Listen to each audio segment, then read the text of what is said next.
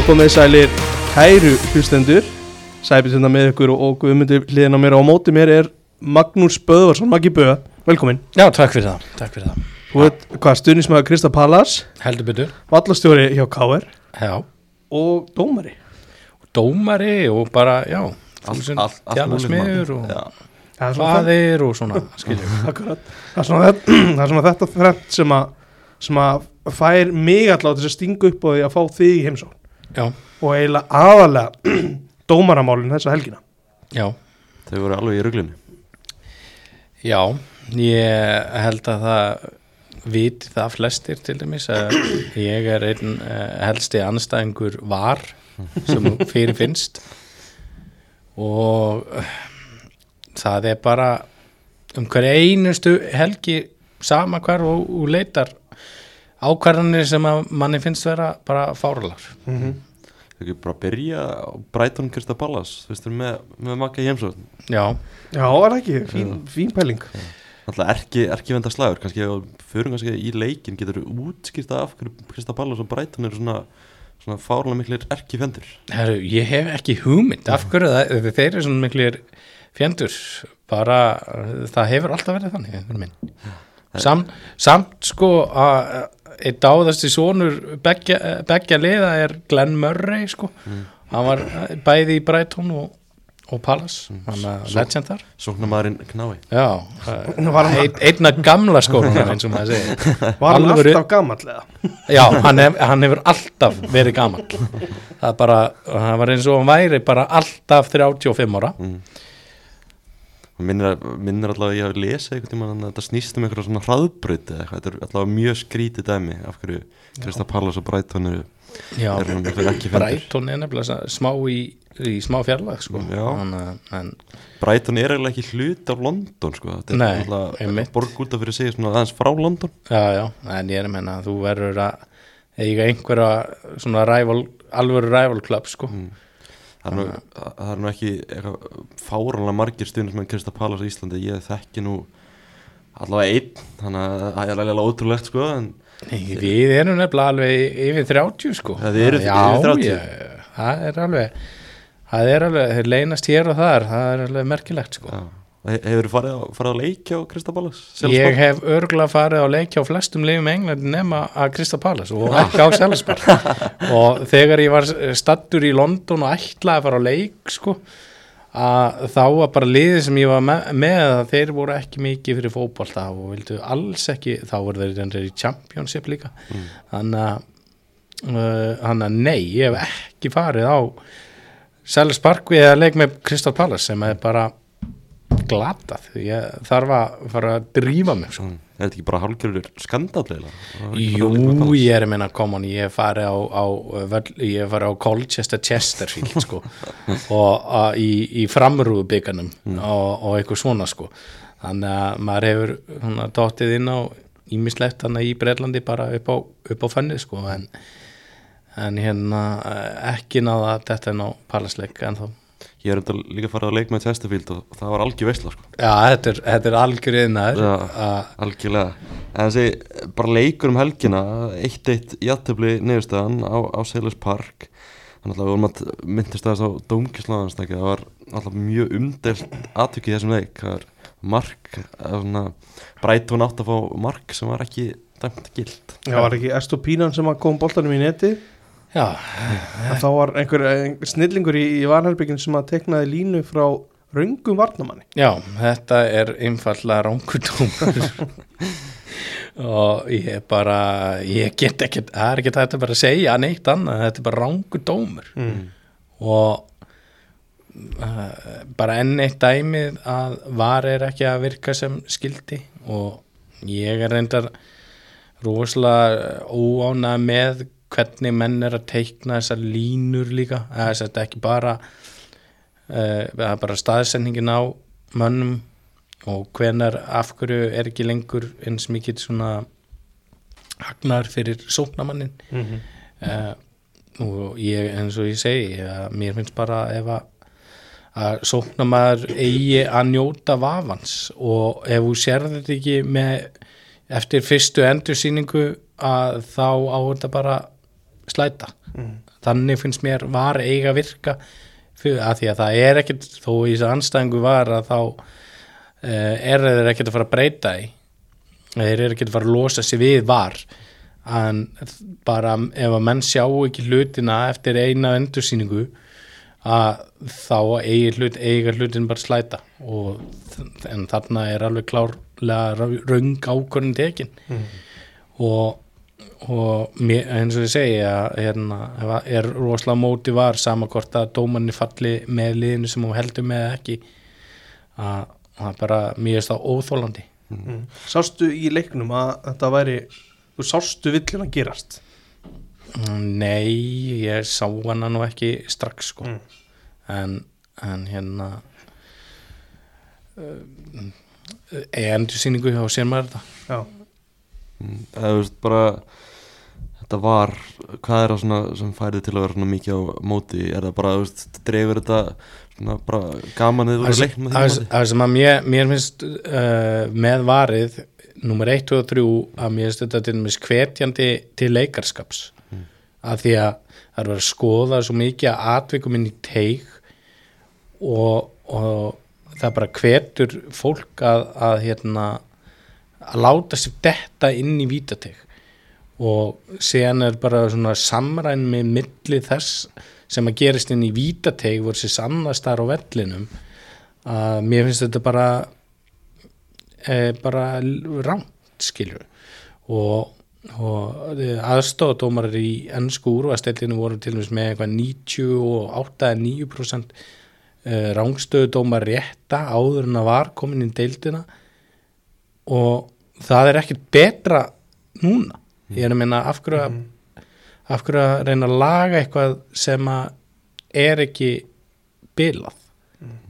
Ég er að minna eitthvað verða að ræða um að hérna og þá hafa það verið vafa dómar og, og, og þess að þar að ég er svo sem ekki á móti var til dæmis eins og með skilju atvik sem að dómar sjá enga megin sem að eru alvarleg bara eins og með rauðspjöld og svona uh, og í gegnum tíðina sem að sem bolti var inni.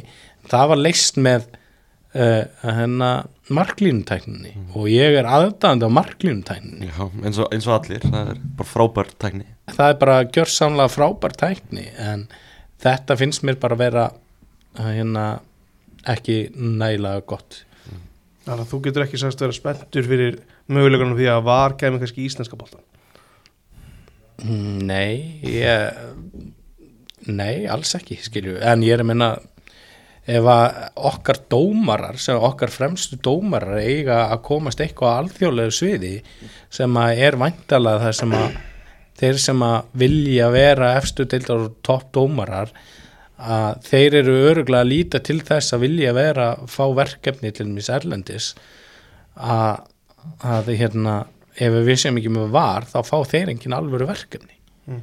þannig að það er bara uh, aðal punkturinn við að við þurfum að fá þetta.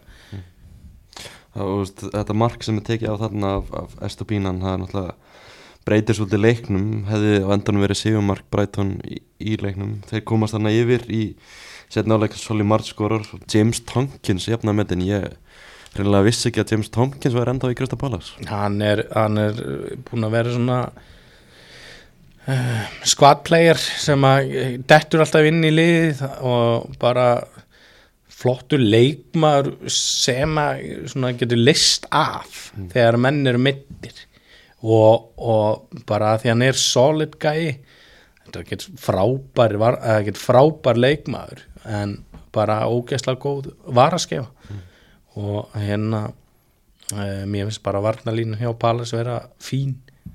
Að þeir eru, eru með vennilega Guehi og Jókim Andersen í uh, miðvörum hann að Tomkins er bara fín varaskefa sem getur komið inn. An, annar maður sem er útrúta síðan ennþá er Nathaniel Klein, hann endar líka þannig í hæri bakgrunn. Hann er alveg uppalinn í Krista Pallas sko, og, og er seldur hann til Leopold á sinni tíma. Og, og hérna gegnum Sándón gegn, já, já, fór í sáðan já, fór, já og, og þess að það sko að hérna en það bara jú, jú, bara allt í læg Mm. ekkert eitthvað bara fýll leikmaður held ég. Þú veist, þegar maður horfir á þetta Krista Palaslið áttu eitthvað svona uppbóðs leikmann í liðin akkurat núna um, Ég er alltaf spenntið fyrir Ólíse Mér finnst hann flottur leikmaður. Uh, Svona, já það er annars ekkert, já, Guehi í vörninni er, er líka flottur og náttúrulega Saha er meittur en hérna, og það verðist svona alltaf ganga verð þegar að Saha er ekki í liðinu. Og svona mér finnst vanta bara svona alvöru svona alvöru durga á miðjunni til þess að liði getur tekið svona næsta skref. Mm. Það þú kúra ekki svo gæði það að ég er ekkert mikill aðdándi að, að þú kúri sko en ég minna að þú gerir ekki einn á miðjunni sko að oftast eru, eru þrýr á, inn á miðju sem að tveir til þrýr sem að þurfa að vera góðir og svona miðjan finnst mér vera svona veikasti hlekkurinn hjá Pallas mm. Ertu með það eldsnögt fyrir mig Maggi? Af hver heldur með Krista Pallas? Já, ég get alveg sagt það. Að það er hérna bara bróður hann og mömmu heldur með Krista Pallas og þegar ég var kannski svona 10, 11, 12 ára þá uh, fór ég oft í heimsók til hans og við vorum að leika okkur í fútbólmannsjar heima hjá honum og vorum alltaf Kristal Pallas sko. Var bara svona kviknað áhugin á, á Palas já, þetta var svona 90 eitthvað sko, þegar 90 að- já, já, já, Það hefur þá verið championship manager já, championship manager Já. á þeim tíma sko. Fútbolmanager í dag já, fútbólmannsjar í dag sko. En bara, þú veist Vilfrid Saha, svona aðeins að spyrja út í hann alltaf búin að vera ótrúlega lengi hjá Palas að stoppa þarna stutt hjá Master United og lendi eitthvað smá upp á kant við David Moyes og eitthvað svona og Mhm. Það er mikið svona síðustu ár kannski minna núna að vera orðaður svona burt, var til dæmis mikið orðað við Arsenal hérna fyrir nokkrum árum. Mm uh, kemur á veist, óvart að hann sé núna bara í Krista Palas ennþá? Mm, já, náttúrulega hann fekk ekki sín tækifæri hjá Manchester United alvöru, alvöru og kom aftur í Palace sem var náttúrulega bara frábært en hann getur náttúrulega sjálfum sem kent fyrir að skrifa þá undir svona langa samninga. Vegna þess að Palace veit það alveg að, vissi það þegar hann skrifaði undir senn samning. Bara ok, hann rennur út hann er 31 ás 31 ás leikmaður er ekkert rosalega eftirsóttur. Og, og hann að þeim, þeir töldu bara að veri meira virði í því að láta hann ekki fara. Og ég bara sammálaði að ég menna að Palas er búið að vera stabilt úrvarsleila lið núna bara einhver tíu ár skilju og, og, og það er bara miklum hluta komið vegna Saha sko. Eru að fara að sjá hann vera bara svona one club legend, bara klára að fyrirlega með Palas og bara spila hann allan tíman Ég veit það ekki, kannski. Að það fer eftir bara það eru örgulega eitthvað, eitthvað lið sem að, sem að gæti vilja hann en það er allir að fara að horfa á aldurinn hjá honum. Mm. að, ég menna hann er hvað því á 31 árs á þess ári. Mm. og ert að fara að sækja 31 árs leikmann sem að leiðin liggur og hann nægir ekkert meiri toppi held ég, heldur en hann er búin að ná núna. Eru ekki veist, þegar hann er að fara frá Pallas eru ekki bara að fara að sjá eitthvað svona Saudi Arabia move eða eitthvað svoleiðis Já, ég veit það ekki. Kanski vill hann reyna eitthvað stær í Evrópu. Það er örgulega, örgulega fullt af einhvern svona fínum liðum sem að vilja fá hann. En ég er að minna, uh, það er náttúrulega bara marg sanna að launakostnaður skilur uh, á Englandi er miklu, miklu meiri heldur en allstaðar annar staðar. Að, en anska deildin er nánast að vera súpilíka. Uh, af hverju er af hverju eru lið allt í hennu eins og bara Fúlham og Aston Villa og Palace og eitthvað að lið er verið að velja þau frekar fram yfir kannski eitthvað stórlið í Þískapoltanum, skilur, Dortmund eða eitthvað Mhm. að segja sér náttúrulega bara sjálft að þá er það bara því að launin eru miklu betri í Englandi nákvæmlega en bara tímabilið heilsinni á Pallas þeir eru í 12. seti 25-22 leikjum uh, veist, hvaða verkefni er í gangi hana veist, maður var svona pín spenntur að sjá veist, Patrik Víjar að koma inn í fyrra byrjaði alveg nokkuð vel. Mm -hmm. uh, bara svona frá þínu sjónaröndin sem stuðnismæður Krista Pallas hvaða svona hvaða vekkferð er í gangi hjá, hjá Pallas Mm, ég var vonast til þess að, að þeir væru aðeins ofar í deildinni. Uh, væru kannski í svona áttundsæti eru, eru ekki tólta eða eitthvað núna? 12 að segja Já, en þetta máli er að hlu- að þessi hluti er bara, þetta er algjör pakki hana. Við erum að sjá að það muna bara veist, sjö stegum á, á leiðin í áttunasæti sem er fallsæti og, og Palla sem er í tóltasæti Já, ég, ég er að segja að öll þessi lið, skilju, frá Aston Villa að niður í, í neðri hlutan að, að það þeir mega ekkert tapa þrejum fjórum leikjum í röð þá ertu bara komin í, í, í byllandi fallbart sko. mm. þannig að þetta er alveg uh, vel hættulegt Mm. en ég er meina að segja hann séru bara Fulham og Brighton eru með 35 stig í, í 7. og 7. seti sko.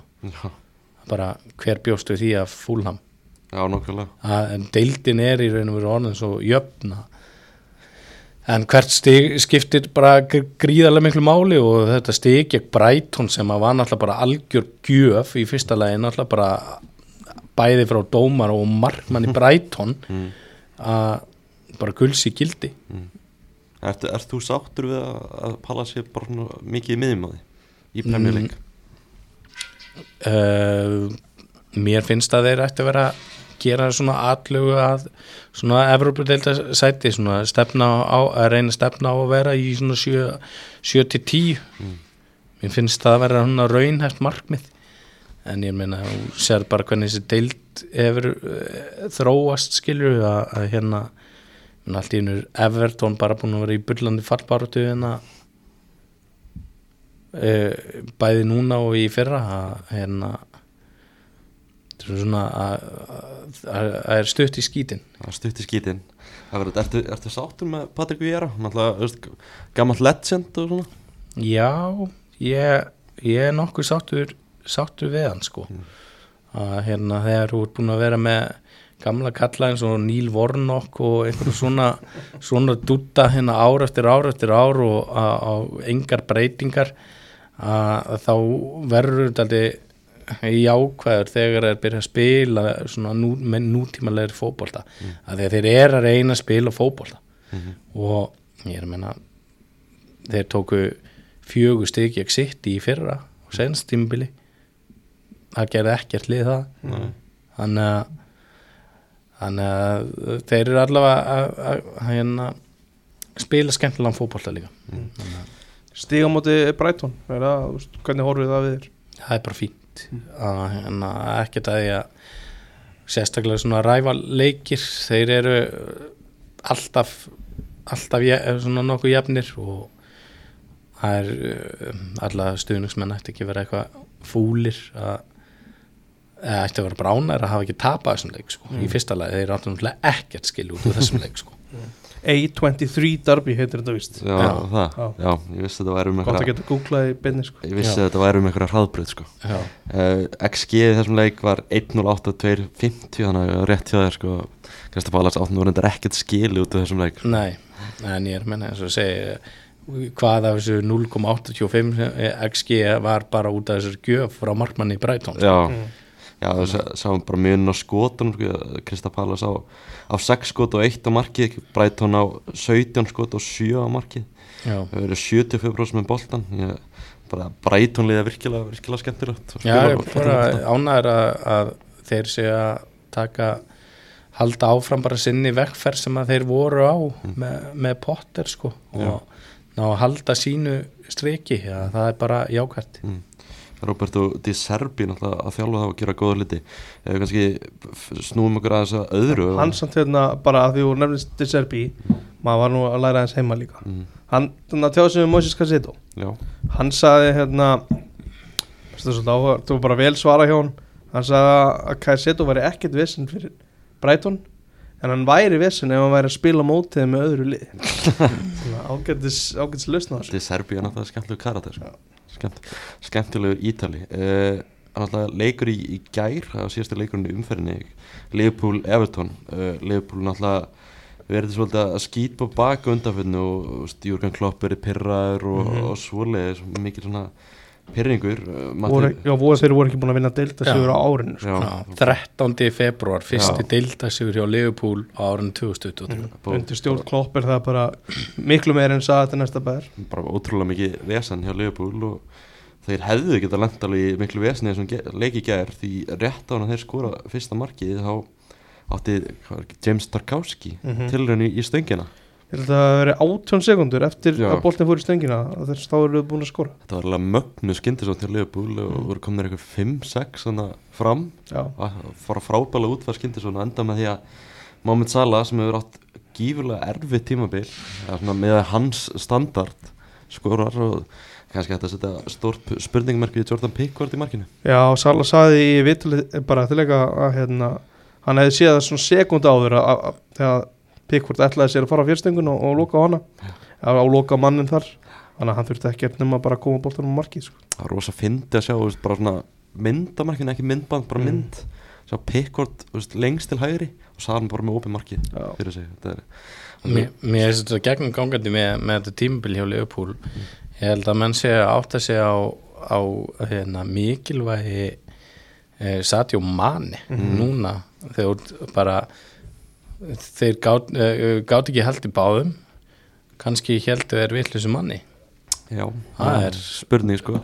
Maður heirt stundum með Leopold tala mikið um þetta sko þeir sakni satt á manni að hans áhrif á liðið, liðið hafa verið vannmetinn sko. Já, ég, ég held það nefnilega sé alveg kláftmál sko. já, Þannig að- en Gagpo komst á blað. Já, loksins. Hann er en komin á blað og kannski þetta var nú ekki flókið mark fyrir hann að skora. Uh, náttúrulega bara eitt hann á, á fjárstenginu og skilaboltan Mhm. mm -hmm. Trend með aðra stóðsega já, hvað er það, önnur stóðsendingin á tíma Já, það er náttúrulega ég, eins og maður setti spurningamarki við Jordan Pickford kannski í fyrra markinu. Já, maður er að setja stórt, stórt spurningamarki Conor Cody í þessu marki. Já, þetta er hræðilega út uh, já, Kóti var ekki að fara að eiga veist, hann er ekki að fara að klára tíðumbil á þess að gera eitthvað minnstug Nei, þetta er alveg hræðilegt. Það let- lætur boltan einhvern veginn fara og, og Cody Gagbo náttúrulega bara skilar boltan mann í netið veist, en ekki bara vanur að vera með auka hafsend þarna að liðna sér? Jú, náttúrulega í eða kannski er þetta bara gömul tugga að vera gott þú veist að negla alltaf þessu en ég held að það skipta alveg máli sko. hann náttúrulega í fjögur að hafa senda línu í þessum leik með Mm. Þannig når maður skoðaði liðin svona fyrir leik fyrir þennan leik þá svona einhvern veginn held maður að liðbúl geti lent í vandræðum sko. að, ég, þú veist, þetta byrjunlið hefur ekkert verið að gera góða hluti á þessu tíumblið Stjórn Henderson og Fabinho koma hann aftur inn. En þetta byrjunulið mm, með Fabinho, Henderson og, og, og Bajsetic sem var Bajsetic var virkilega góð já, en þú veist, þeir hafa ekkert mikið verið að spila saman. Nei, það er bara maður svona, Fabinho til dæmis alveg búin að vera já, já, já, sko. alveg sammála því og varnalínan eða hafsendaparið ekkert verið neitt sérstætt og trend náttúrulega verið eitthvað annað Og maður hefði ekkert eitthvað rosalega trú á Núnes, Gagbo og Sala í þessum leik sko. það hefur ekki verið að virka, ég er alveg sammálaðir en bara þú veist, mér fannst eitthvað svona þetta er það sem að þeir lífupúl sérfræðingar sem maður hefur verið að, að lesa eh, hafa verið að tala um að, að veist, látiði Fabinho og Henderson bara finna lustn á þessu sko. Mm. og það virðist það að virka maður sá líka Andy Robertson hann vaknaði úr, úr já, dáið frábær, sko. frábæri ger virkilega góður, var að sína svona smá passion og svona. Uh, Liverpool núna komið upp í nýjöndarsæti, fara upp fyrir Chelsea. Uh, 32 stíð í 20 leik. Menn spyrja sig núna, Maggi, er upp, upp í nýjundasæti Já. upp í nýjöndarsæti upp fyrir Chelsea. Menn spyrja sig, er Liverpool komið tilbaka? Eru þeir vaknaðir sko Liverpool uh, náttúrulega klárlega ekki eða ég bara til enga líkur að þeir sé að fara að ná mestartillisæti hvað er þetta mörg stíð núna, það eru tíu stíðum eftir Newcastle, eða níu stíðum og með leik til góða. Og er að fara að mæta Newcastle næsta helgi. Já, það er það leikur. Er bara erfiðu leikur. Það er bara árunlega erfiðleikur að, að ég er að meina þeir, þeir eiga að fara upp fyrir Brenton, Fulham og Brighton sko. Mhm. það er alveg klárt mál. En sen er náttúrulega Tottenham hann líka. Mhm. þannig að og það er aðeins lengra í, í United. United allt í hennu fara að líta vel út sko. En, en í- ég tel að meistartilsæti sé ansi langt í burtu. En ég eins og segi það er leiki leikurinn á hann móti Newcastle. Og, og þú, talir um að þeir eigi leik til góða. Mm. stíin er ekki komin á töfluna sko. Nei, stíin er komin upp á töfluna hinum einn það er náttúrulega gengið náttúrulega líka erfilega fyrir Liverpool að sækja þessi stíð sko. Já. upp á síkast allavega. Já, uh, Everton í þessum leik maður svona frábær sigur hefum mútið Arsenal í, í síðustu umferð. Uh, þeir náttúrulega fengu alveg sín færi svona inn á milli náttúrulega sagði hann Tarkowski og svo fekk kongurinn Tom Davies alveg fínt færi í setna áleginu Já, það er, það er kannski svona endur spekla kannski bara vandamálið þegar þú ert komin að þú veist að mennið sem er komið inn á er, er Tom Davis og, og eitthvað frendir hann að Sims sem að datt inn á líka hann var, hann var í byrjun Hann var í byrjun. ég, Já, veit- hann- ég veit ekki sinni með hver, hver þetta er sko. Mér, mér finnst ótrúlegt að hann hafi byrjað að spila klukkutími í þessum leik af því hann gæti nákvæmlega ekki neitt sko. En þú veist, var eitthvað meittu frá síðasta leik já. Kallur Lúin hann Calvert Lúin var meittur mættur aftur á meðslalistan sko. alltaf á meðslalistunum uh, Neil Mopay, ég get ímyndað mér að, að hann sé ósáttur að hann sett, Hann getur sem það ekkert verið ósattur Hann er ekki búin að vera neitt góður Elvar Geir ristur í hópulmannet var að lýsa þessum leik Mm. mm. á samt Bjarnar og Viðarsinni virkilega gaman að heyra þá tvo lýsa þessu saman félag, félagana Mm. uh, hann var svona þau voru að tala um það mikið sko Neil Mopay var í, maður pyrraður örgulega í útsendingu og töluðum það fyrir leik líka sem L.S. Sims var að komin í liðið að í Sean Dice vildi fá svona meiri líkamlegan styrk upp á topp og það gekk svona vel. Þa, það er ekki aðeins að fara að ræða samt bara innkaupa stöfnuna hjá Everton hérna senustu, senustu árum sko. það er náttúrulega bara mikið rannsóknarefni sko. Það er alveg ótrúlegt dæmi sko. Alltaf virðast ekki eiga neitt pening allavega akkurat núna sko. Nei, mér fannst að gera vel samt síðasta sumar að taka Amadou Onana miðmannin, hann lukkar alveg ágætlega sko. En svo veistu fyrir í til dæmis Dwight McNeil. Guðminn góður sko. Englendingur enn að býja eftir honum já, það er bara shit hvað hann er búin að lélegu sko. Það er samt alltaf eitthvað þarna, finnst öllum sko. Og ég held að sé alveg eitthvað þarna en það hef, hann er ekki sínt að hann síndi eða meira fyrir svona þremur árum. Já, en þá, þá var hann líka undir stjórn eh, já. og núna er hann aftur komið Dice þannig að kannski er hann að, að fara að vakna. Það er spurning hvort hann á að ríða sig gang. Alex Vóbi var að spila hann að hæri kantinum. Það er til dæmis eitt dæmi um þessa innkaupa stefnu að Evertón hafi ákveða að, rífa fram 30 miljónir punta til þess að kaupa þann gæja sko. Já, það er eiginlega ótrúlegt dæmi sko. Hann á leik og leik. Hann á leikinn á milli sko. Hann spila hægri kantinum í gerð það er mm. hann er ekki góður á kantinu ekki góður á kantinum. Uh, langaði kannski bara næst að fara í, í leikina á, á laugadeinum þannig að hún er alltaf búin að ræða Krista Pallas Brighton að leikina að leikin sem var hann á undan á Vestham, Vestham Chelsea Lundunar slagur, 1-1 í aðtefli uh, Chelsea menn náttúrulega byrjuði vel í þessum leik tóku fórstuna, Joe Felix skoraði sitt fyrsta mark fyrir félagi en svo með stóðsendinguna mm. dýrasti, leikmæri í sögönska bóltans, virkilega vel gert. Uh, Vestam jafna strax en það sem svona flestir að tala um eftir, eftir hennan leik uh, Tómas Susek skora mark sem er dæmt, dæmt af hennar rángstuðu, réttilega. Já, mjög réttilega. Uh, en í setnaflöfnum þá vildi Chelsea menn fá víti. Já, ég sá einhvers staðar að, að Chelsea var að tilnefna Thomas Susek sem eitt besta markmann Evrópu. Já, Já, ég, ég sá þetta ekki en með skilstaðan hafi bara verið með hendina beint niður þar sem er verið að skjóta að marki og það er víti. Mm. bara alveg klá, klárt mál en ég, ég sá þetta ekki þannig að þú veist, ef hann er að þú veist, ef við setjum upp scenaríu fyrir ef hann er að, veist, er að halla sér fram og er kannski að þú veist að detta og er að reyna að styðja sér við jörðina þú veist, er það ekki vítið líka? mm, ef þú sért að ja, fyrir mér er það víti Já, ef að, ef að þú sért að hindra för bolt, boltans með hendinni Mm. að þó að sé, þú fari með, með hendina í jörðina Mm. að fyrir mér er það víti en reglan segir ef að þetta sé eðlileg hreyfing uh, til að nota höndina sem stuðning á jörðinni þá sé það ekki víti. Þó ég er svo ósamála þessari reglu vegna þess að ef að sé vera að skjóta á markið út með hendina út fyrir líkamann að, og boltin að fara að marki þá fyrir mér er það víti þó að reglan segja það ekki. Þú veist, mér finnst hans að hæpi mér að nota einmitt þessi rögg sem ég var með að hann hefði verið að styðja sér við jörðina. Mm veist, þetta er ég, mér, ég er bara ánæður með þetta svar hjá makka bara, ég, ég heldur sem allir sammála en Mér það áttu að vera vítið sko. Ég vil eiginlega bara ganga svo langt að segja að Chelsea hafa verið rændir í þessum leik sko, þegar þeir áttu að fá, fá vítaspinnu sko. Já, maður skemmtilegt tí, tístiðana hjá Chelsea sem sendi út hana þegar þetta gerðist, bara Mm. því lík markværsla hjá Thomas Susek þetta var, alltaf, víti sko.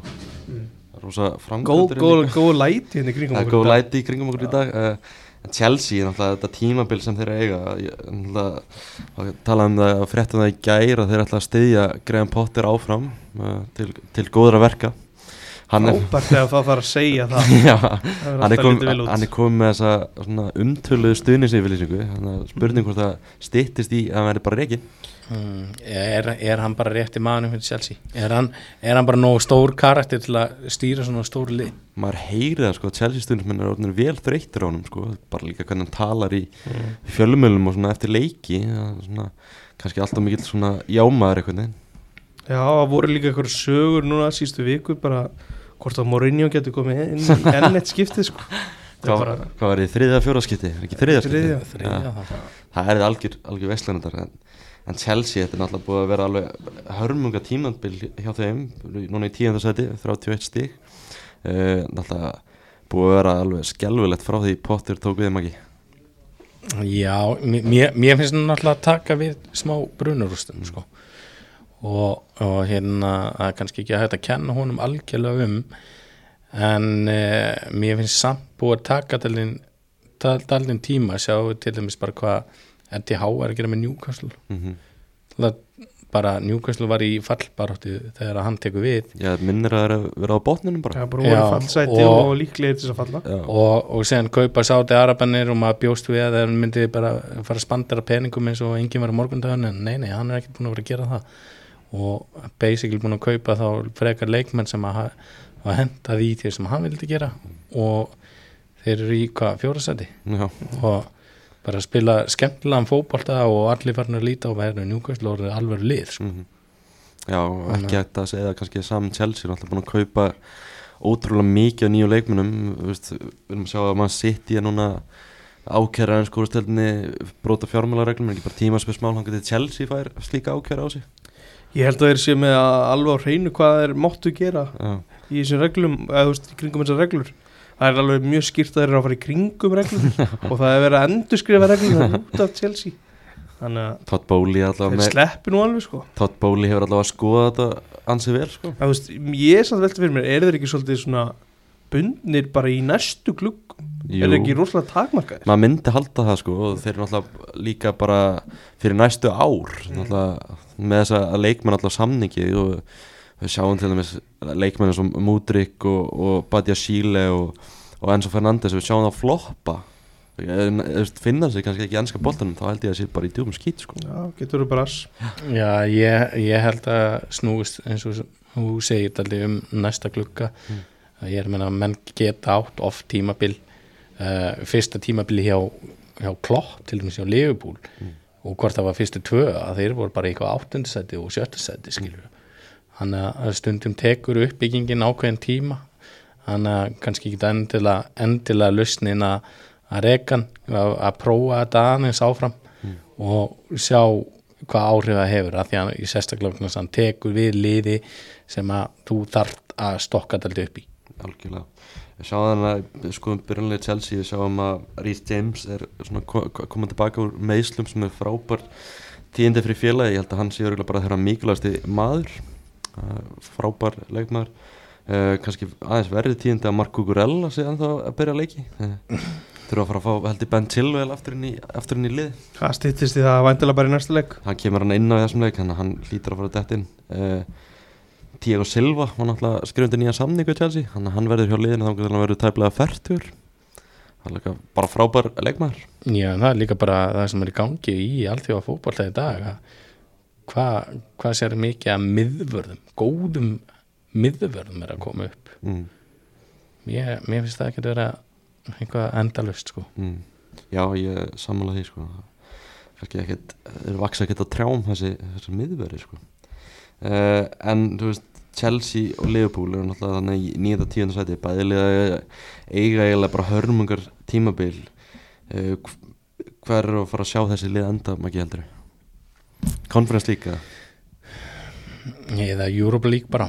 Ég eh, ætli að verða ekki eh, allavega, allavega Liverpool ætti, ætti að ná, ná svona sjötta seti, myndi ég halda. Mm. það geng, veist, gengur mjög illa fyrir Chelsea allavega að sækja, sækja sigra. Þeir eru ekki alltaf gengur rosa erfilega hjá þeim að skora mörg Já, þeir eru með Kai Havertz fram. Já, það er ekkert skrítið. Þeir voru með hann að á Felix í svona frjálsri, frjálsri hlutverki í kringum Havertz. Og kom svo sem allt í lagi út. En þú veist, mútrik í kringum hann gerði ekkert sko. Mm. bara, hann var veikur hann í leiknum undan, hann var alveg jafn lélur í þessum leik sko. Sjá, síðast Sigur Chelsea kemur á mati Krista Pallas 15. januar 1-0, sem var skellur. Ákveðan skellur fyrir þína menn. Þeir maður Kai Havertz með markið Nei mitt, það segir, segir allt sem segir þar Gekkjaðar Havertz bara í síðast fimm leikjum hafa Chelsea með 1 sigur og þrjú mörg skoruð þetta er rosalegt. Já, skelvilega tölfræði sko.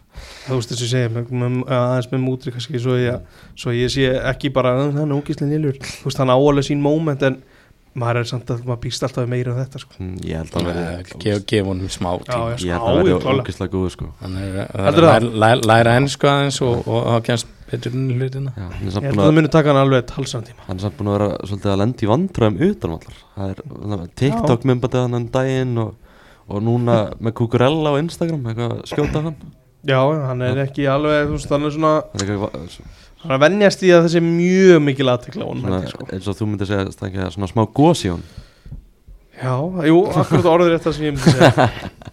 Uh, Hvernig vissirðu? Því að bara ótrúlega að ég vissi þetta uh, Arsenal Brentford það var líka 1-1 og það er alltaf þannig að, að slunum með Arsenal eru vel brjálæðir eftir hennar leik mm, Sástu þetta aldrei ekki? uh, Ég sá allavega atvikið með markið sem að var dæmt löglegt Mm. Já, að- að hérna sem að er rángstað Já. Mm, en, en þetta er bara svona típist atvik sem að ég nefndi til dæmis fyrr í áðan Mm.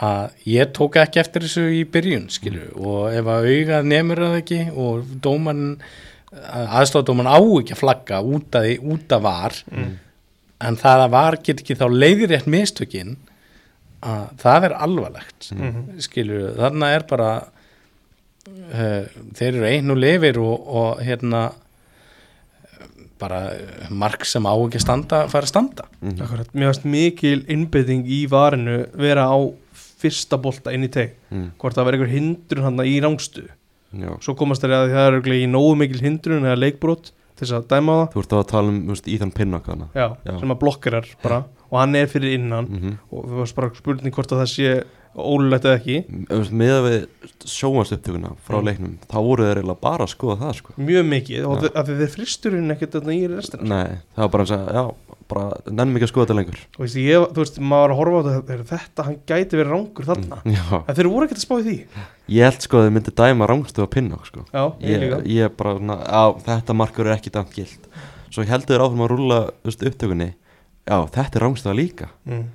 bara marki löglegt? Það er skoðu bara fyrra rauninni sko. þetta var eiginlega stórfyrirlega dæmi og svo koma þessar fréttir eftir leik.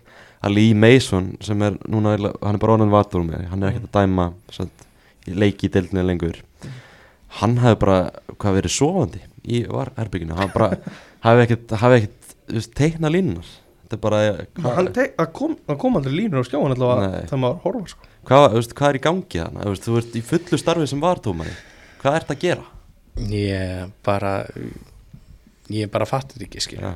og, og hérna var í raun og veru er búið að koma svo fljótt inn í inn í eh, dómgæsluna og án þess að kannski þjálfunin hafi endilega verið nógu mikil staðar áður mm.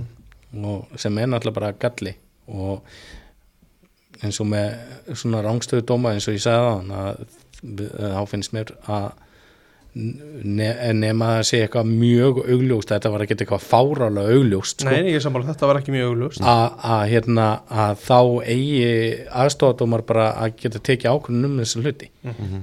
að eins og ég segi ef að nota var að þá bara nota það þegar það er eitthvað algjörlega uh, augljóst sem að uh, að dómar teimið er að gera mistök. Mm þannig átti var samt að, að stíga inn í. Já, af því að hvernig, hvernig línan sem þeir eru með í deildinni þá eiga þeir náttúrulega að stíga inn í. Mhm.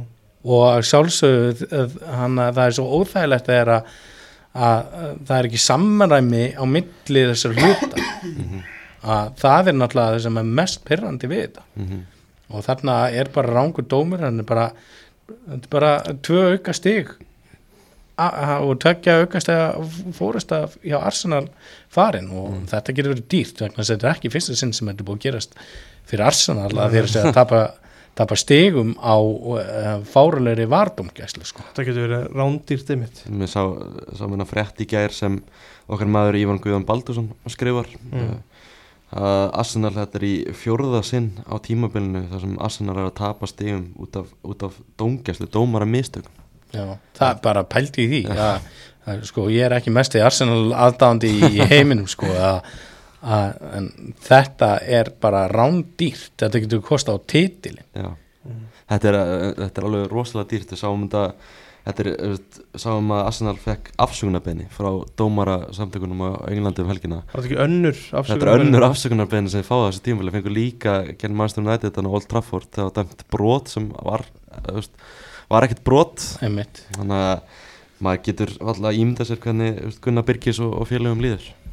Já, það er bara þeir, jafna þeir, þeir, þeir eru feskir á Twitter og með Já, það, eru það, það er eru- veistla Þeir eru feskir á Twitter sko en, en veist, við erum að sjá núna sko mann sitt í vinnur, vinnur sinn leik og þeir náttúrulega færast nær Arsenal, núna munurum bara allt í enn orðin þrjú li- Arsenal er með leikt góðan, þessi töliði eftir að mætast tvisvar. Já, hversu, ef, þú veist, segjum við sitt í vinnur deildina með þú veist, einu stigi eða þremur stigum hva, hversu brjálaðir verða menn? ég er brjálaður, Já. gjörsamlega brjálaður. Þeir geta allavega klála hort í þennan leik. Já, Mér, þú veist, já, ég, ég er búin að taka randi áður í vetur með þetta Manchester United aðri, sko, ég, ég get ekki tekið undir það. Ég er- skil ekki það það er er, það er þar. það eru líka fleiri atrið sko Já, já, Það er var hva- og svo var það- Everton eitthvað líka Everton. Gabriel eitthvað vítaspinna Þannig að mann geta alveg leift svo að brjálæður og þeir voru, voru mikinn eins og segjum ekki á Twitter um helgina uh, menn að tala um að það er í að, að reka Lee Mason. Já. Eh, eiga menn ekki að fá að gera neinn mistök í lífinu hann er búin að gera það Já. nokkur. Þannig ég er að minna það er ekki bara að fara að þjálfa, þjálfa menn engungu í þetta að vera vardómarar. Mm. Jú, það hlýtur að vera einhver, einhver þjálfun í gangi. Bara þú veist, þessu tengt samt maki Þú veist, bara domgæslan almennt burt sér frá hversu mikið stuðning þeir fá frá var Hvernig finnst þér hún í ennsku úrstöndinni? Dómgæslan, Já, bara þú veist, bara ákvarðin sem þeir eru að taka út á velli. Bara mér stóð allt í lagi sko. Já, hérna mér finnst ekki að vera glórulöst dómgæsla eins og allt og margir að tala um. Að þegar þú ert í, í þessu hlutverki að þú setja að reyna að dæma fótballleiki það er bara þetta er ekkit auðvelt og, og auðvitað er mikið áreiti í kringum þetta. En ég er að menna að þú verður náttúrulega bara standa og falla með þínum ákvörnum og þú reynir að þú reynir að vera með ákvörnum línu og þú reynir að, láta leikinn alltaf fljóta. Og mér finnst dómgæslan ekkert búin að vera eitthvað hræðileg sko, mm. auðvitað er náttúrulega einn og einn leikur en ég menna hvað er mikið að leikjum þar sem að þið ræði dómgæslan ekki neitt? Já, já, er þetta? Það er rétt, rétt sko. Mm -hmm. En þú veist, til dæmis með Lee Mason hann skýtur alltaf vel upp á bak um helgina. Það kemur fyrir að dómarar gerir það og þeir fá náttúrulega í ennsku úrvastöldinni að fá þeir náttúrulega alveg rosa mikinn skít fyrir það að þegar þeir gera mistök. Hvernig heldur þau bara Lee Mason líði akkurat núna?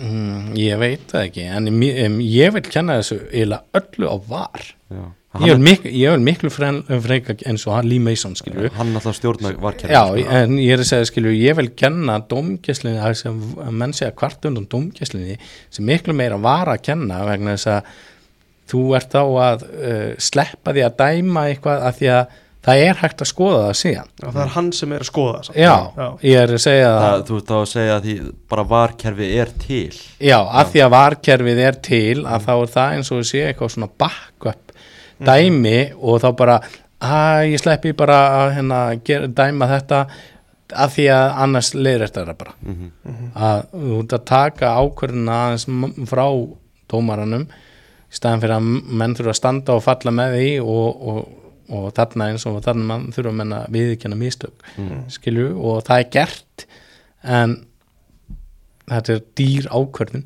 Mm. en ég vil kenna í raun og veru að því að varkerfið er að þá er uh, allt svona uh, vond skilju. Og sérstaklega til með sem með rángstöðu dómara, dóma mér er alveg mjög pyrrandi þegar er alveg augljóslega rángstað að það er samt verið að láta að halda áfram og klára og, og, og þess að það sko mm það er náttúrulega skapar ákveðna meðslætti og líka svo. Já, sko. getur gert það sko. Þannig að sérstaklega eftir tækni skilju bara það að vera með samskiptakerfi Mm. að það er bara gjör breyti því þegar þú dæmir fótballleiki Mhm. að, að e, og sen alltaf er komið hérna er marklínutæknin og allir sammála um það að hún sé frábær Mm. en var, fyrir mér á var ekki verið að notað nema bara algjörlega bara í brota brota af því sem að er verið að nota það í Mhm. það er ekki lega en þú veist bara gríðarlega svekkandi fyrir Arsenal. Ég held að það er tvær afsökunarbeinir allavega. Að Chelsea fekk ekki afsökunarbeini frá akkurat. Brighton og Arsenal fengu afsökunarbeini ég bara svona tekið eftir umræðu sko að, að ennsku rústluna þetta er stærsta deild í heimi rosa mikið peningum og svona í henni. Að þeir að deildin eigi þá mögulega bara að kaupa dómara Já, þú veist, já, er ekki samt ekki aðalatir þá um þess Maggi er að tala um bara, þjálfið þessa dómara í það að nota var, þess að var dómara. Mm -hmm. Þjálfaða almennilega. Já, þú veist, að þú veist, en, bara fari yfir þetta almennilega. Áður en stíga samt, inn í það að taka starfið að sér sko. Já, já, algjörlega, vertu, þú veist vertu, þú veist, við hliðin á einhverju sem tekur ákvörðuna, skilju Mm.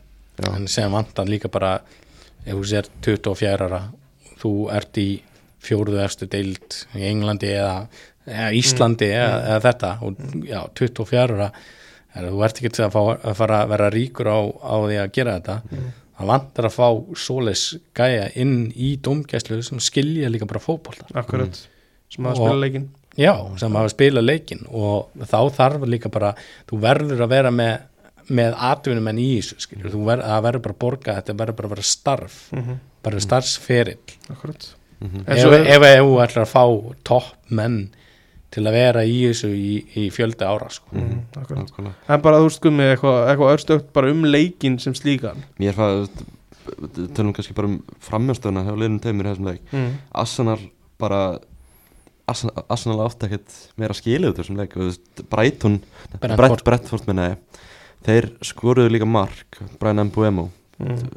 er alveg hægt að deilum það að það hefði átt að standa sko. Já, þú veist, ég, og ég er búin að vera að velta þessu fram og tilbaka fyrir mér þessu atri.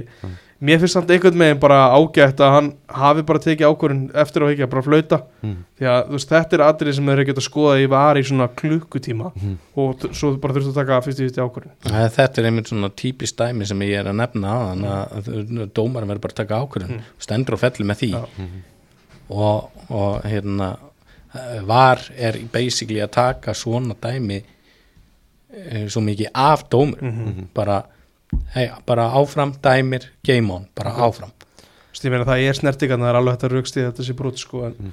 þú veist, mér fannst þetta mjög lítið á þeim tíumpunkti en, en bara fínt einmitt bara taki stundum ákvörðunir sko. Já, mér, mér finnst bara allt í lagi að dæma á þetta. Já, og, og stundum dæmur á þetta stundum dæmur ekki á, á, á þetta. En ég minna þarna leiðir að sér mark dæmd á þetta, Já, skilur hann var búinn að flauta og hann Já. skoraði skilju það þú veist, maður veit aldrei hvort hann hefði skorað eða það hefði ekki verið komið flaut sko. Mm. Brentford mínum að þetta er bara miklu betri í þessum leik. Arsenal meira með boltan meðan Brentford skapar þess hættulegir færi. Já, sleika átlega þeirra hef bara hefnaðist fullkomlega. Og enn og eftir er að sjá Thomas Frank búa til eitthvað leika sem gengur bara frábælega sko. Danski, danski þjálfarinn hjá Brentford bara að sanna sig sem einn besti þjálfarinn í, í deildinu og maður sér það líka sko þegar störf losna í deildinu hann alltaf orðaði við það sko. Já, það er einhver svona, einhver svona huldumæður sem er að, hann er bara, heyrðu, settu Thomas Frankin á blað. Þannig alltaf orðaði við öll félum Já, uh, en bara sangjan stig kannski bara lokum fyrir Brentford, Ivan Tóni með markið. Stjálfið takja alveg stíðinu eða þú, Tóni hefði getað skorað 2-3 í leiknum. Já, hann átt að skora það ennu sko. Og hann var með, hvað William Saliba var í, búst, í alls kona vandur af þessu leik. Já, hann átti, átti ekki svona besta leik. Ég sá gott að ver, var ekki bara Gilvi Einars í vellinum sem að búst, í þessu rángstöðumarki í lokin bara, það er hann að skall, næst síðasti skallin mm, áður en nörgat fyrir boltan mm, það var ekki, þú veist, hvort það var Saliba sem var bara á jörðinni og svo var ég man ekki hver það var sem var inn í tegnum og vann skallaboltan Mm. hann var svona meter fyrir ofan bara, hann var bara pínu lítill afsendin sko. maður sað lípa, byrjaði alveg ótrúlega vel, finnst hann svolítið hafa dala sko. Já, já, þú veist, er ekki alltaf verið að bara líta að, þú veist, hver er ekki að spila upp á tíu þarna Já, nokkulega, hann er alltaf ungur og, og veist, á, á svona leiki sko. Já, Trossard kom vel inn í hann leik Já, maður tók eftir sko, Alltaf byrja ekki bara á, á morgun maður hitti Asnalmann hann um kvöldi sko, og menn eru Mm. svolítið að missa vatnið yfir hún sko. Já, er hann ekki bestur í til Já, Nei, þú veist, það bara kom vel inn og Martinelli, þú veist, var ekki búin að búin að vera alltaf lægi en fínt, fínt hann að hafa einhver, einhver samkefni sko. kraftur, kraftur í Trossard en Ivan Tóni, hvað eru að fara að sjá hann spila lengi áður en hann fer í eitthvað fær eitthvað bann sko. Það er ekki, veist, þetta er alveg rosalegt veist, það er talað um eitthvað 300 ákjærur eða eitthvað tegnslu við eitthvað svona veðmálabrót hvað, hvað er langt ákveð til hann fer í bann ef, ef hann í bann. Er bara, ég vil ekki segja bara í byrjun næsta tíumbil segja það það er nú ansið vond fyrir Brentford að missa núna sko, geta ekki fengið þeim inn í staðin það vandalega er hann að, maður er bara eitthvað fabular, Mm. hentar hann ekki bara á einhverja leiki í neðdildum og fatta hann ekki, fatta að hann var ekki, ég veist, jú, eflust vita að hann var að gera eitthvað rámt en fatta ekki hversu rámt það var, sko. eru regluna þannig í Englandi líka Já, ekki, ég held að maður bara ekki veði á fótbolta almennt, sko, já, bara hvergi, bara, hvergi. eng, bara í engri deild, sko. það er rosalegt en veist, ef hann er dæmdur sigur þá hlýtur hann að fara í áspann eða eitthvað. Já, það fer samt, ég, ég held að það fari svo, eins og segir ef hann var að ef hann var að betta á leik í íslensku deildinni eða eitthvað, Já. Það er daldið annað myndi ég segja, skilju út á í hvað bann, uh, hversu langt bann þú ert að fara að dæma hann í. Já, eða ef þú varst að dæma, hann að gera í leiki í deildinni sem út að spila í sko. Það er kannski mögulega ástæðan fyrir að þetta tegur svo langa tíma. Kannski hann verður bara að setja á leiki í Indonésiu eða eitthvað. Hver veit, Hver hver veit. veit, kannski leitust hann einhver bara á nóttinni, sko, á brasilíska bolta. tók Brasil, boltan í Venezuela eitthvað, hver veit Uh, kannski ekkit eitthvað rosa mikið að ræða þarna á lögatunum mikið meira. Það er kannski bara helst að En það lestir, uh, lestir náttúrulega bursta tóttunum þessi vörn hjá tóttunum er náttúrulega eitthvað annað bara grín í þessum leik. Allt í henni poppaði Tanganga inn. hann poppaði aftur inn og með Ben Davies og Erik Dyer. Þetta er í besta falli championship.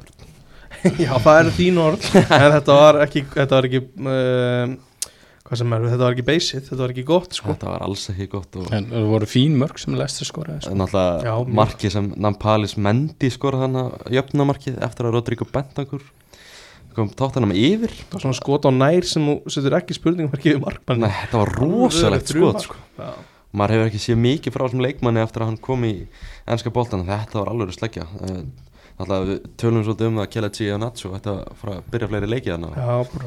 hann hann, skoraði að laða upp í síðasta leik og hann gerir það aftur í þessum leik. Þetta er samt bara, við höfum sagt að ég allavega hef sagt það áður Þetta er bara einn maður, þú veist, sem að, sem að umturnar öllu hana Það er bara James Madison, sko. Já, skoraði hvað tvenni í þessum leik. Já. Eh, kannski annar maður sem er að umturna þessu svolítið við fengum ábendingu um það náttúrulega ræða, Harry, ræða Harry Sútar ástralska miðurinn sem kom til Lester á gluggadeginum. Hann á sér sína stuðnismenn er Lester búið að þeir eru að aðeins kvikna á þeim eftir að hann mætti leiks Það er smá munur að vera með eitt svona alvöru, alvöru unit þarna aftast Mm. með að við að vera með Daniel Amartey vinnin sem Sko- að getur ekkert sko. skorski Ástrali. Já, skoski Já. ástralin sko þetta er náttúrulega eins og segir alveg, törn og, bara góð kaup, mjög góð kaup. Og við geta, getum kannski að staðfesta að er ansið vel talað um hann hérna á skrifstofunni.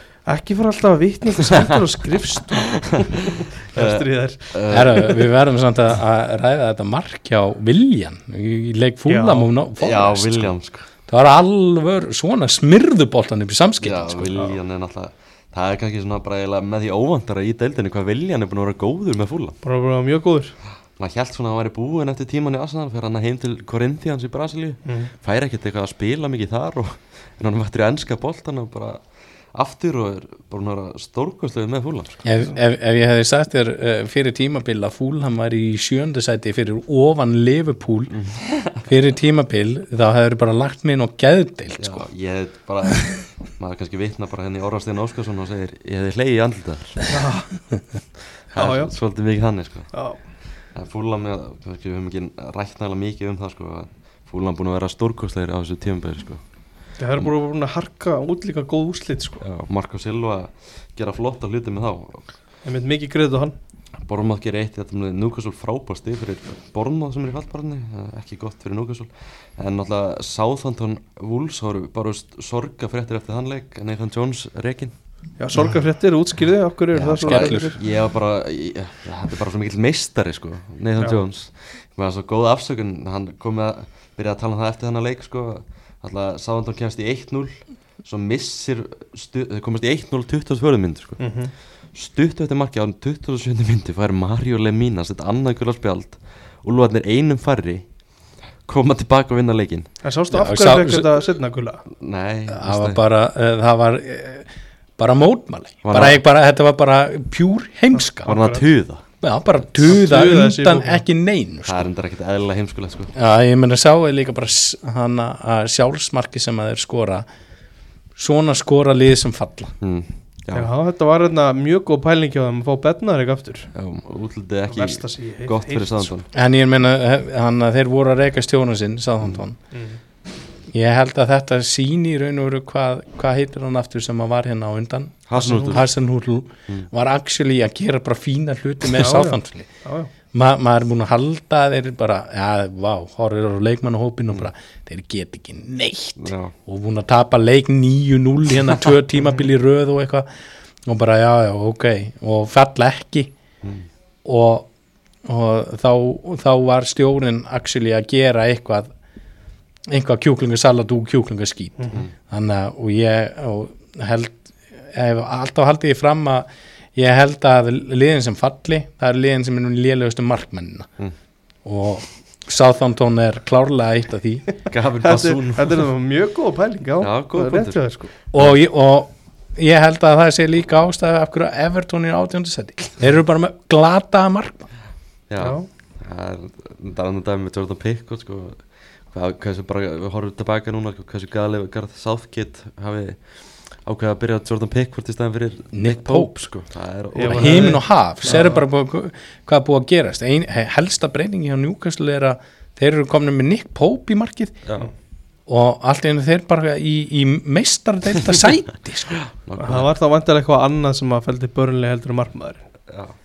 já, já, já, já. Und, Undantekningi sem sanna regluna mjög já, en ég meina já, það skiptir ekki máli. Það þú er náttúrulega ekki með neitt fjármagn Nei, þar, nættak sko. makka Uh, aðeins meira í Newcastle. Það var sammála því. Mér finnst það gott eftir hennar leik sko, að náttúrulega Úlfarnir unnu hennar leik einum færri það er að vera einum færri í klukkutíma sko. Saði ég ekki að þetta verið svona örugustu úrslitin? Jú, Sigur tala, tala það um var alls ekki örugur en, en kom sigur. Örugu sigur, það kom sigur. Kongurinn Nathan Jones, hinn stráng trúaði hann fór að tala um það sko eftir leik að það sem hefði orðið sáðandón að falli í leiknum var að þeir hefði lent svona, einum fleiri. Já, það er ofta, já, það er erfitt. það hefði breytt leiknum. Já, láttu mig það ekki. Að með Þór samt á sínu tíma komum keitt sér að vinna leikið þeir voru einu fleiri sko. En þá voru þeir ekki yfir þegar þeir lendu einu fleiri. Mér finnst það svo góð afsökun og þessi, þessi kongur, hann er búin að koma með svo margar svona góðar setningar upp á síkasti það er bara sorglegt að sjá hann fara úr þessari deild. Ég held að það sé alveg örugt að hann er ekki að koma aftur í hans skúrastel Ég sakna hans ekki neitt sko. En hver heldur að vilja taka við þessum bruna rústum Jesse Mars. Jesse Mars vilja það og hann Já. er bara klárnánast sko. hann er örgulega að fara að taka þessu, ég held að hann líði vel á Englandi og hann flytur sig bara yfir á sögustöndina held ég náttúrulega nýbúið að sparka honum. Já, já, þá, ok, þá, hérna, þá hefur hann einhvað að tapa. Æstur í að komast í, í nýtt starf bandaríkja maðurinn hann alltaf, sáðan var líka orðað við Wayne Rooney og, og, og, fleiri, og Frank Lampard ég. Já, Rúni verðist vel vilja koma aftur í, í, í, á, til Englands Ég veit ekki alveg. Ég skil ekki alveg með, fínt fyrir hann að taka heitt í umbil fyrst þarna. Ég skil ekki alveg með Wayne Rooney sko. hann fór Fyrir til, vestan. fór til bandaríkjan og skildi bara fjölskylduna eftir í Englandi sko. það Já, það er kannski það sem að kallar meiri í hann heldur en þetta starf Það geti alveg verið. Er örgulega og hann alltaf gaman að sjá Rooney aftur í ennsku úrstöldin einhvern tímann. Samt alveg leikur á morgun. Alveg leikur? Já, Ars, Arsenal City. Já, ég var að tala eins um City Aston Villa. City Aston Villa, við erum að, klára þessa yfirverð, alveg Já. eru búnir. Uh, maður City Aston Villa. Eh, kannski bara st- stutt um þann leik. Mm. Bara, bara City náttúrulega mikil svona umræð um það út af þessum fjármálareglum og þeir mættu bara vel gýraðir eftir á, svona áhugaverðan blaman að fundi hjá Pep Guardiola. Þeir hefðu skora svona 15 mörg í þessum leik sko. Erling Haaland náttúrulega í alvöru færi með þessum leik. Já og hann, hann gerði þetta vel í, í, í markinu hjá Gundogan ógeðslega vel. Þannig að bara góður fótbollamæður Það er einhver, einhver svona núna umræða hvort hans verði með á morgun. Mm. fer eitthvað, fer eitthvað högg í fyriráleik og, Mm. og er tekin af elli í háleik engin sens að tekni sig Guardiola. Mm. ég held að sé nú ekki mikið á hann eða þú veist, það er mín tilfinning sko. Mm. hann er alltaf að fara að spila gegn Arsenal Já, sko. já, og þeir vita það alveg bara ef, ef að City ætlar að vera meistari þá, þá máttu alls allavega alls ekki tapa þessum leik. Akkurat. Var ekki kannski örsnutt, var þetta dífa hjá Grílis? nei, þetta er bara brot. Það er samanlega þetta er bara klárt brot. Þetta er auðvitað að fera niður en þetta er bara klárt brot. Alltaf Rói Kín var að tala um að var líkjanum við besta dýringamann sögunar Já, Já. Nei, þetta er bara, þetta er brot. Kín er ekki alveg eins og farið í fætuna og hann hvernig á hann að geta staðið þetta sér sko. Ég er alveg samanlega makkað mér finnst það bara klárt brot. Þú veist, kannski gríls með einhvern stimpil á sig sem að Kín er eitthvað að reyna að íta á sko en en þetta var bara víti sko. Mm, og vel gert hjá City að að svara þessu eftir svona frekar svona frekar dabra framistuðu upp á bara klálega, þeir, það var allt önnu framist þú veist, þeir voru góður allan leikin mm -hmm. náðu þeir svo sem ekki að náðu ekki að skori sér nálega auglustlega ekki en hann aðstoflega fekk svona sín moment. Mhm. en aldrei náðu ekki að setja þetta í einsmarsmun sem hefði náttúrulega aðeins sett hennan leik í hvað, eldgamla ójabæði uh, árum kannski tölum um Arsenal Man City smá þá er það Leeds Master United 2-0 sigur United uh, ná að svona en byrju þú veist, nú ert þú ekki í fantasyspilari mm, ert þú fantasyspilari? Maggi? Ég er með fantasy lík, það er Já. reyndar að koma svona sjö vikur sem leit og leiði senast ég get alveg hérna uh, skilið þá allavega mikil umræð um þetta víti sem að Maris tók. Bara allt í henni fór Maris á punktin mm, Mér er svona áhugavert að hjá Guardiola bara eftir, eftirleik bara, ég veit ekki eftir hann tók ekki vítið sko átti sem Holland að taka vitið hann er vítaskipt og hefur aldrei klúður að víti fyrir sitt sko. Það er mjög aðtils allt í henni fyrir Maris á punktin og hann skoraði. Hann kannski er það bara að reyna að kveikja í fleiri mönnum. Eða Já. vita alveg að Hóland mun skila fleiri mörgum sko. Já, það getur bara alveg verið rétt pæling sko. Maris verið góður uh, United Leeds, þannig að þessi lið mættist líka í miðri síðustu viku og þá endaði 2-2 þessi leikur virtist á lengi vel alltaf enda 0-0 Mhm. uh, United var náttúrulega bara ekki að spila vel og, og Leeds var Manchester United þá já, já, Já. Manchester United Já. það var náttúrulega bæði leiður United sko. en fengur samtalið nóg að færum og hefði átt að skora sko. já, Já, já. já. en, en mér finnst færin hjá Leeds ekki að vera eitthvað frábær og svona skor beint á markið og eitthvað. Leeds var samt alveg að pressa vel sko, í, í byrjun setnálegs allavega hans mér fundu líka svona rétta menn til þess að pressa já, voru hérna tveir varnarmannlega Já. sem að voru ekkert sérstakir. Við getum sagt að Erik Ten Hag tekur ákvörðun að að byrja með, með Shaw og Harry Maguire saman í miðuri og við getum alveg sagt að Harry Maguire og David De Gea hafi ekki verið að kokka upp eitthvað gott uppspil hann í þessum leik. Nei, nei, það, ég held að allir hefur getað séð það fyrir líka þú veist, Ég, það er sérstaklega langa leiðir að Harry Maguire er ekki inn í plönum hjá Ten Hag. Mm en það er ógslag gott að eiga hann sem svona squad player mm. sem getur komið inn í leiki bara svo að út að álaga að gera Mhm. að, að hann er ekki lélugu fótboltam að hann er lélugu fótboltamaður en hann er ekki lélugu varnamaður Mm. skiljið hvað við er já. bara, ef, þú setur fara að hafa all, fulla stjórn á leiknum þá viltu ekki vera með Harry Maguire hana en það er fínt að hafa hann ég held en segja hann er bara spurning en of dýr til að ég held að þessi máli, ég held að United vilja bara að Manchester United vilja bara losna við hann næsta sumar sko, út af því. Já, en þeir eru ekki að fara að fá mikið fyrir hann sko. Nei, nei það var ekki að hækka verð með það sem í þessum leik. Nei, sennilega ekki. Er hann ekki bara flottur með sútar í vörninu ég var var mjög samanhæltir já. sko.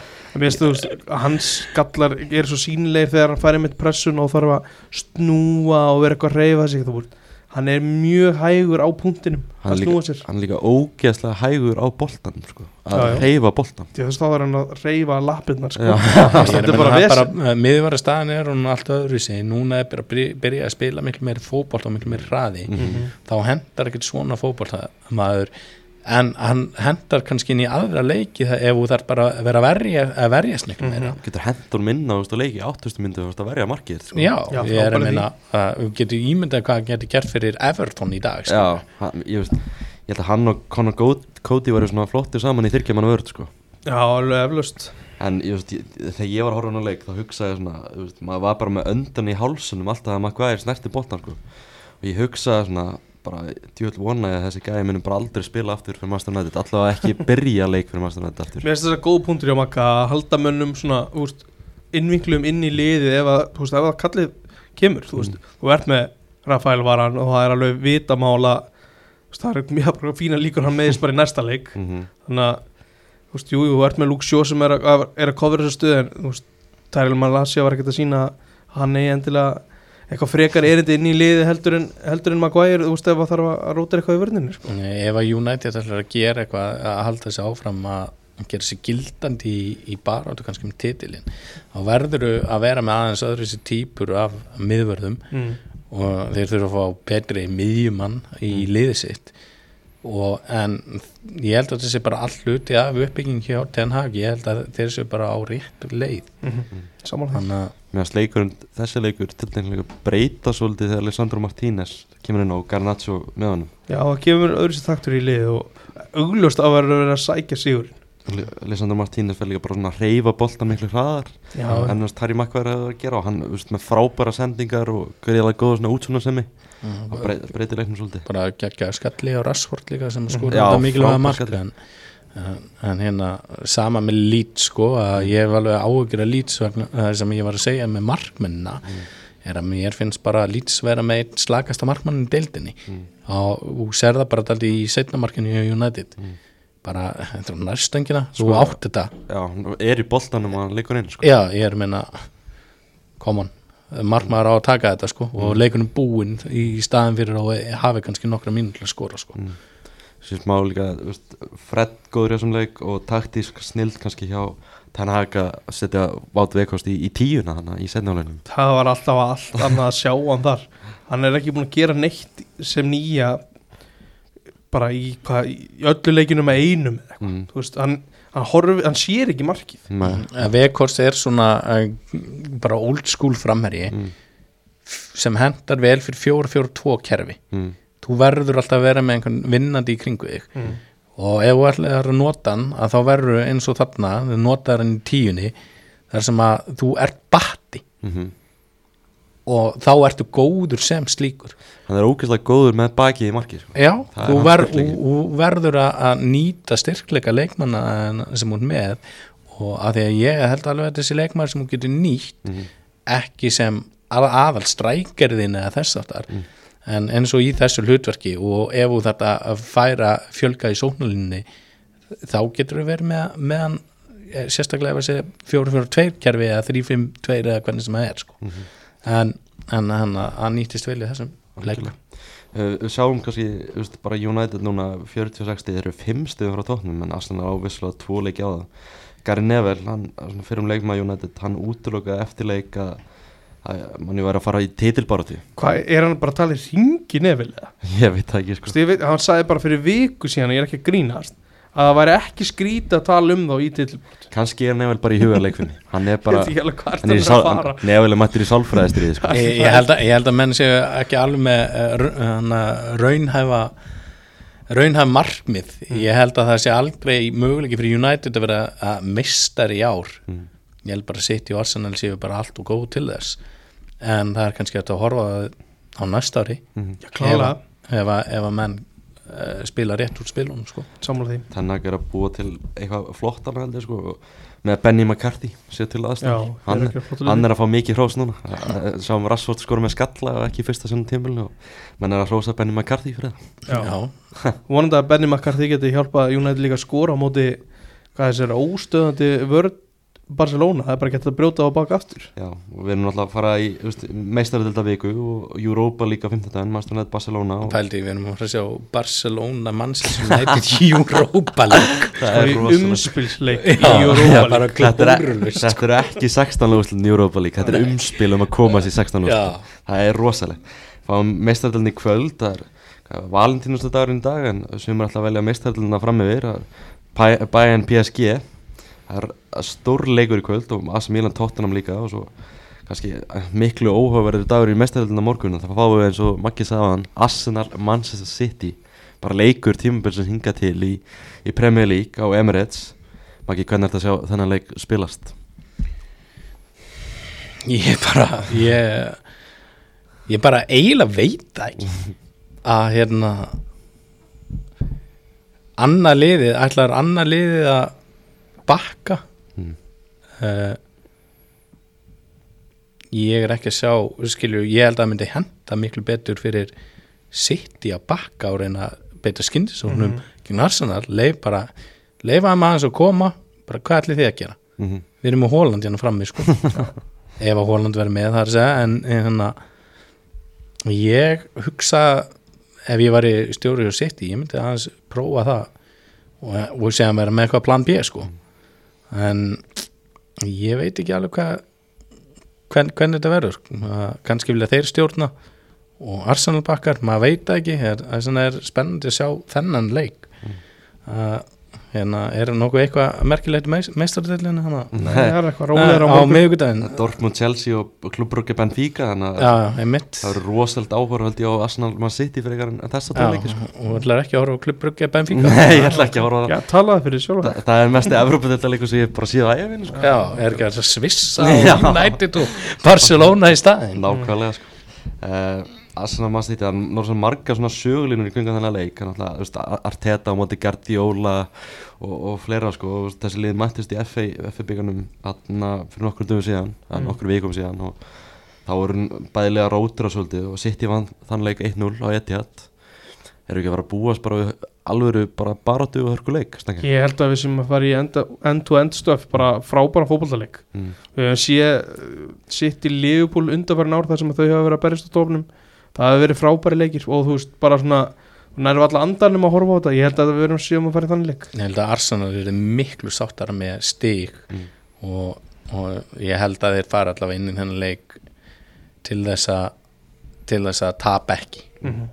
og Vonum, ég, ég er smá hrættur um að, að, að séu bæði séu að fara að gera það Mm. ég er bara smá hrættur við það en séðan gæti líka vera að þetta verði bara geggjaða leikur sko. Já, ég, mér finnst að Guardiola ólíklegur í, í svoleiðis pælingar sko vonum bara fyrir hönd uh, stjórnismanna Arsenal að það verði engin stór dómaramistök í, í þessum leik það verður alveg pottit einhver dómaramistök Nei, ég, við erum að sjá henni Anthony Taylor, besta dómara deildarinnar held ég, Já. með, með flautuna sko. Já, þú veist, já, einmitt, það er spurning hversu stóru verða þannig að það verða alltaf einhver það verður alltaf, þú veist, alltaf eitthvað mistök eins og þú segir sko, en það vonandi bara engin svona dýrkift eins og í síðasta leik sko. En já, eða sammála það er gott að fá Taylorin aftur Já, Taylorin verður alveg með þetta held ég uh, hvernig, hvernig